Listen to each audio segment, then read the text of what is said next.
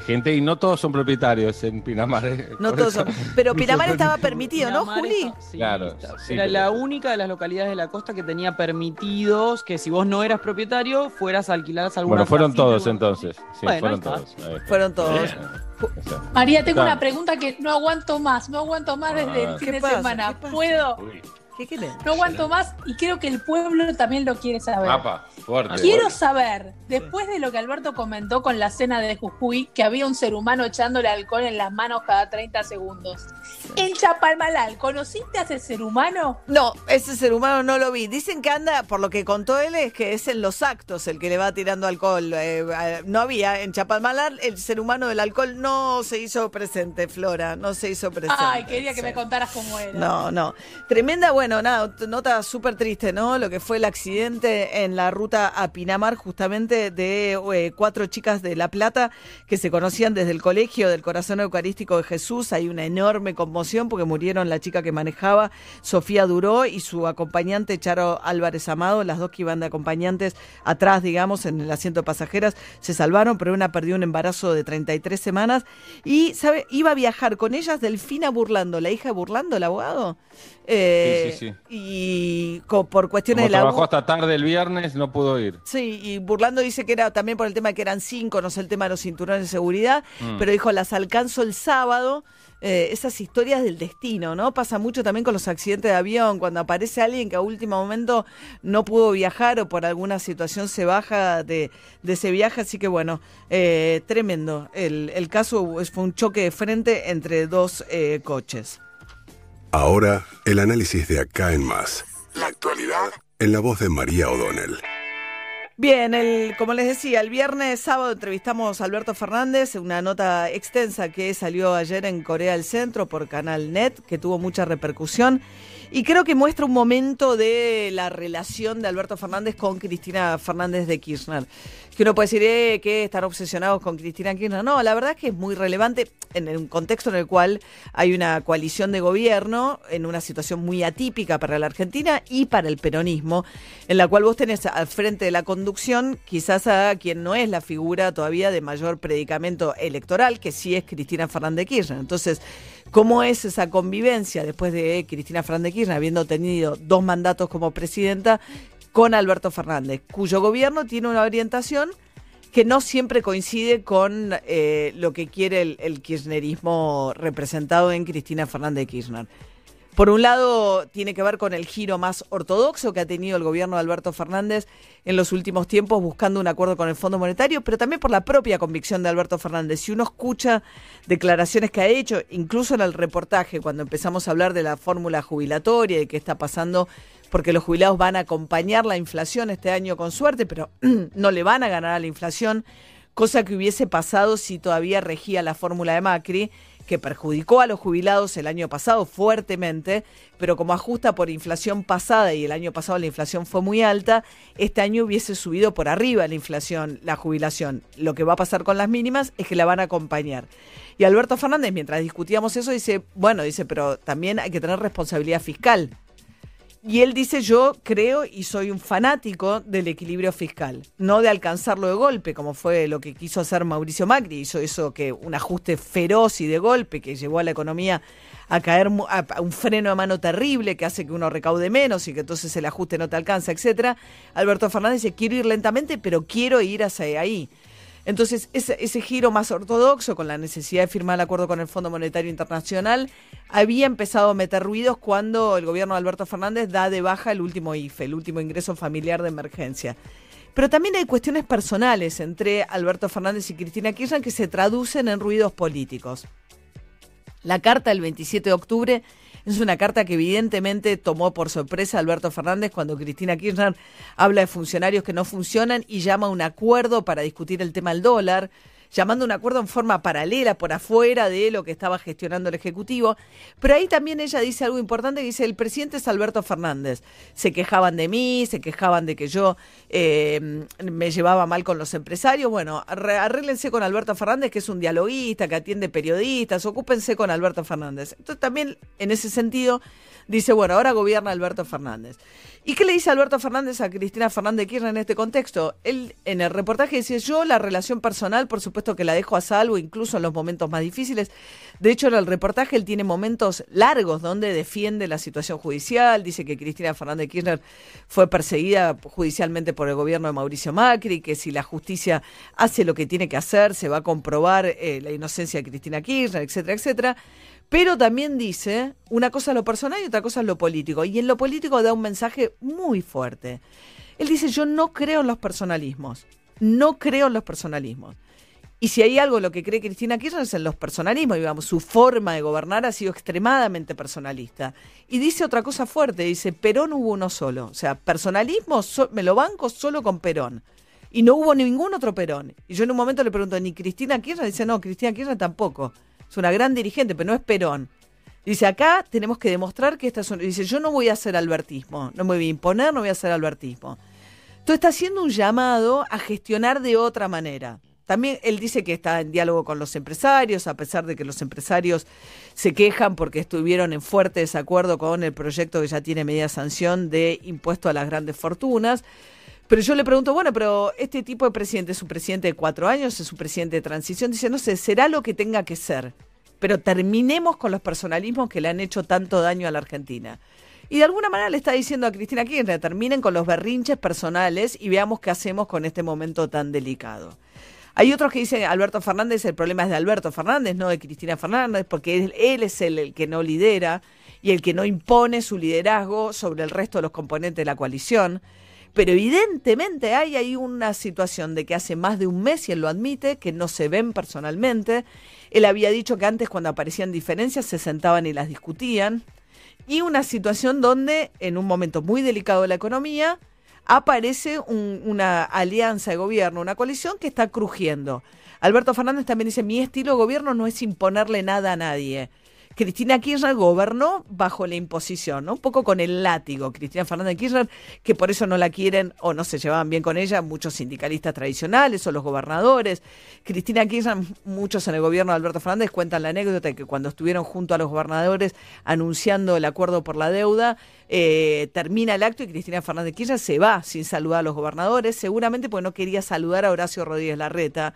Y Alberto Fernández sí se queda, saluda uno por uno y les agradece. De hecho, él había convocado a Gerardo Morales y a Larreta a esa mesa. Entonces dice, yo no quiero gobernar ni por la imposición. No me pidan a mí que haga eso porque no soy yo ese tipo de liderazgo. Y también le pide a Cristina Kirchner que deje que entonces sea ese el tipo, si él va a gobernar, que ese sea el tipo de liderazgo que se impone. Y otros que dicen, no entiende nada, en el peronismo esto no funciona de esta manera. En el peronismo y con el presidencialismo argentino, vas por todo o no se gobierna. Así que bueno, eso es un poco el panorama. Después vamos a hablar un poco de lo que está pasando en el Poder Judicial, la iniciativa por Rafecas, el procurador. Pero esa relación entre Cristina Kirchner y Alberto Fernández, creo que es la primera vez que Alberto Fernández hace pública una diferencia respecto de qué hay que hacer y cómo hay que gobernar en el marco de la coalición.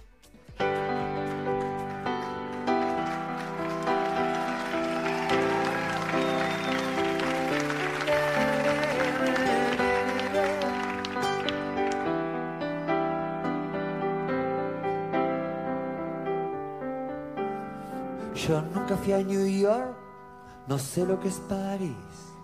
Vivo bajo la tierra, vivo dentro de mí.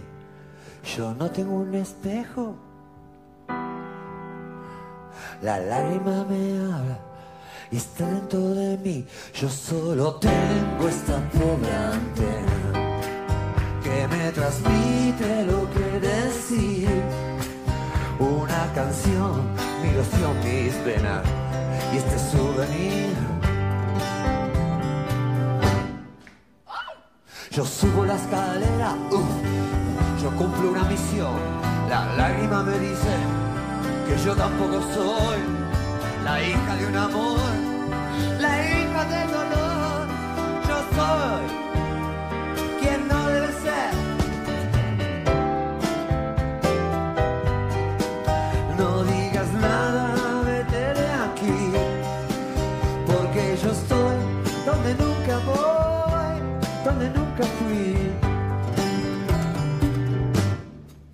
con calma. La cosa es así. Ya se hace de noche. Me tengo que ir.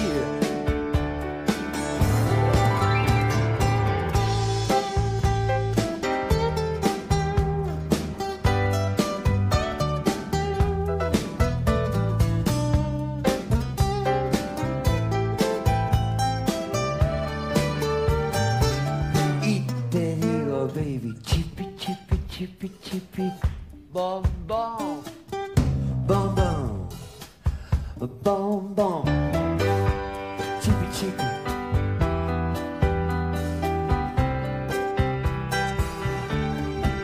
Si este dolor durará por siempre, es que el mercurio lo tengo aquí. Ya no digas más palabras, nene, ya vete de aquí. Y no te olvides nunca que...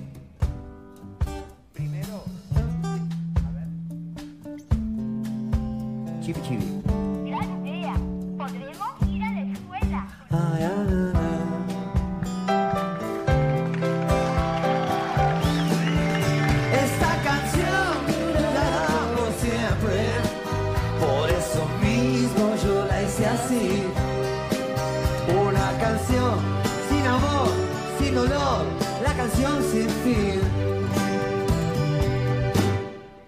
Again. Esta canción durará por siempre, como los discos.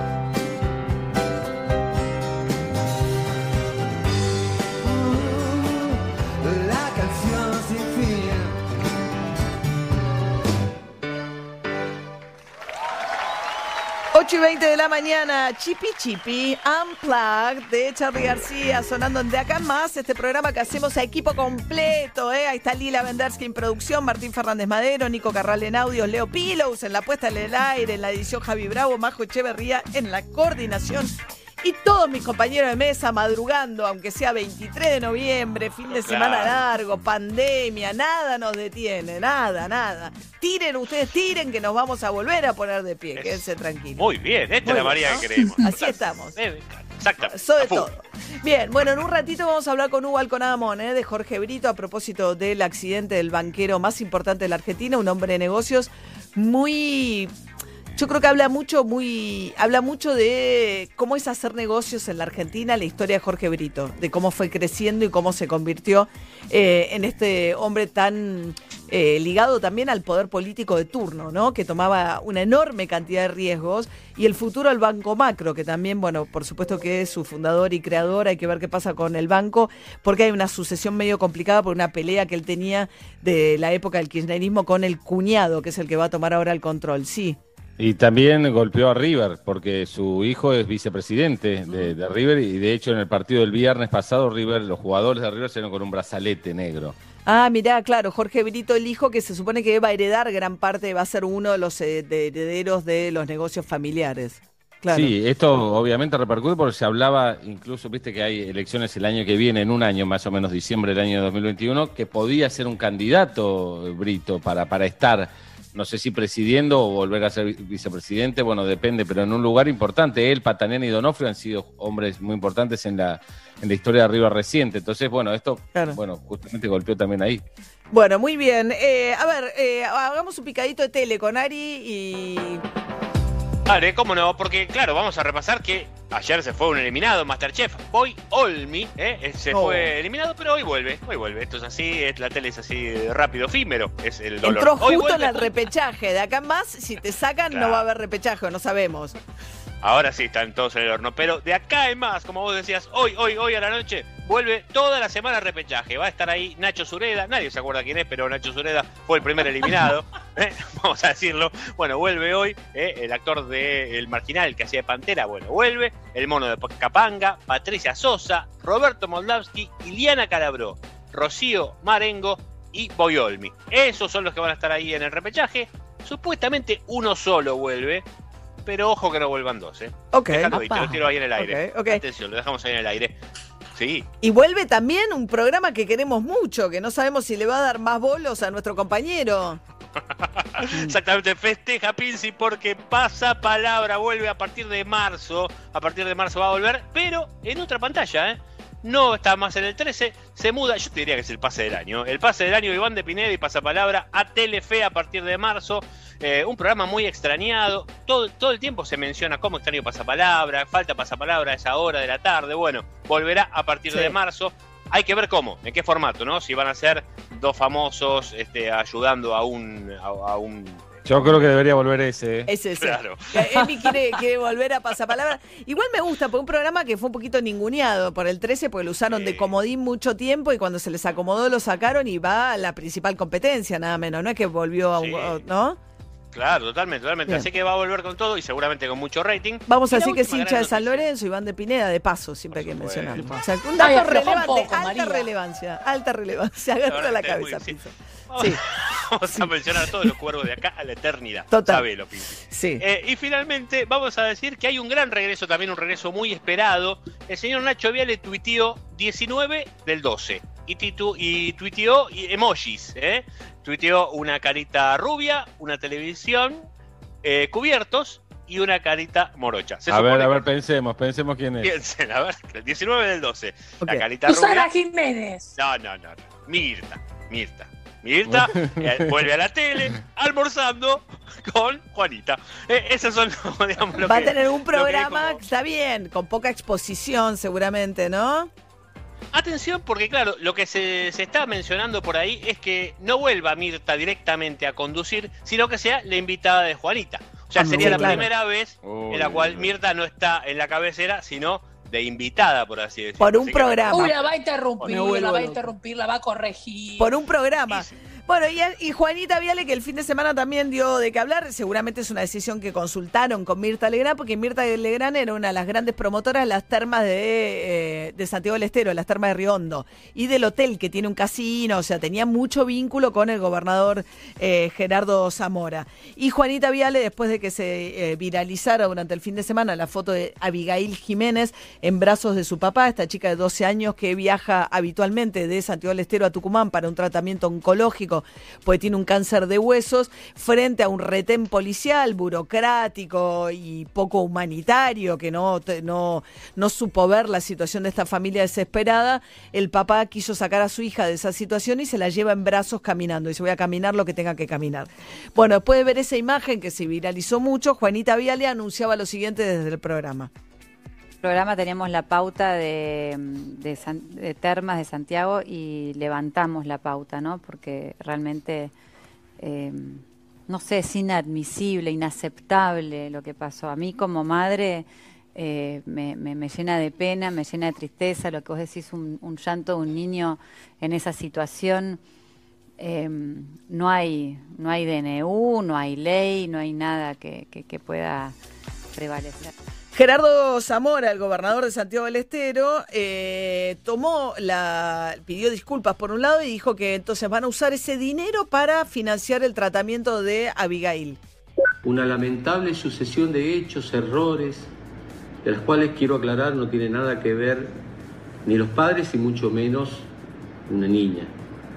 Es el Estado del cual me responsabilizo, que ha fallado en sus mecanismos para controlar casualmente la salud y le transmití a él el pedido de disculpas y que quedo abierto y lo hago por este medio a hacerlo personalmente cuando dispongan. Y ponerme a disposición de Abigail, que es lo más importante. Bien, eh, buen gesto el de pedir disculpas, me parece, de Gerardo Zamora, el gobernador de Santiago del Estero. Y bueno, eh, eh, siempre que aparecen estos casos dice, bueno, está bien, ¿cuánto hay de demagogia en decir, no? Agarro la plata de la pauta y se la destino a Abigail, a Abigail. Pero bueno, si le soluciona lo que necesitan, evidentemente hay algún tratamiento que no tienen en Santiago del Estero y esa es la razón por la cual tienen que ir y volver de Tucumán para poder hacerle el tratamiento. Sí, igual también ocurre que estos casos se viralizan, se hace el gesto de ocuparse y debe haber mucha gente que está en este contexto, que tiene necesidad de tratamientos médicos, que tiene necesidad de circular para estas cuestiones sin ningún tipo de miramientos, digamos. Si no es como que es la puntita del iceberg, ¿viste? Lo que se atiende y, y la verdad es que no corresponde. No, bueno, y La había- Corte Suprema se tuvo que pronunciar para que el gobernador de Formosa dejara entrar a 8.000 personas varadas que no podían volver a su casa. y que recién ahora está implementando el plan, porque no quiere dejar entrar a todos de golpe, entonces y los tiene, los va a mandar a muchos a hacer cuarentena en unos destacamentos policiales que parece que tienen condiciones muy precarias, pero sí, lo de Formosa fue tremendo, las separaciones familiares. Eh, no puede una situación de pandemia violar derechos este, humanos básicos, elementales, ¿no? El derecho a la salud, el derecho a la reunificación familiar, que se hagan con los protocolos necesarios para tomar recaudos. Pero bueno, también el caso del papá que había viajado, ¿no? Manejando desde el sur a Córdoba y que no llegó a tiempo tampoco a despedir a su hija que estaba con un tratamiento en Córdoba. Bueno, Juli, eh, hablando del tema del coronavirus, esta mañana, media mañana, arranca el comité de vacunación, atenti. Sí, cinco ministerios y el presidente Alberto Fernández se reúnen hoy para empezar a armar la logística. Van a estar Salud, que es el que coordina toda la parte sanitaria, Defensa, Seguridad, Interior y Ciencia y Técnica, Tecnología. Esos son los ministerios involucrados en este proceso. Se espera que trabajen 150 mil personas en todo este procedimiento que va a ser inédito y que se espera que empiece a dar la vacuna en Argentina entre enero y febrero, empezar a dar las primeras dosis de la primera vacuna que llega acá, que se supone que va a ser la vacuna que se está produciendo en Rusia. A ver, por ejemplo, en este momento el Ministerio de Defensa está reacondicionando aviones de las Fuerzas Armadas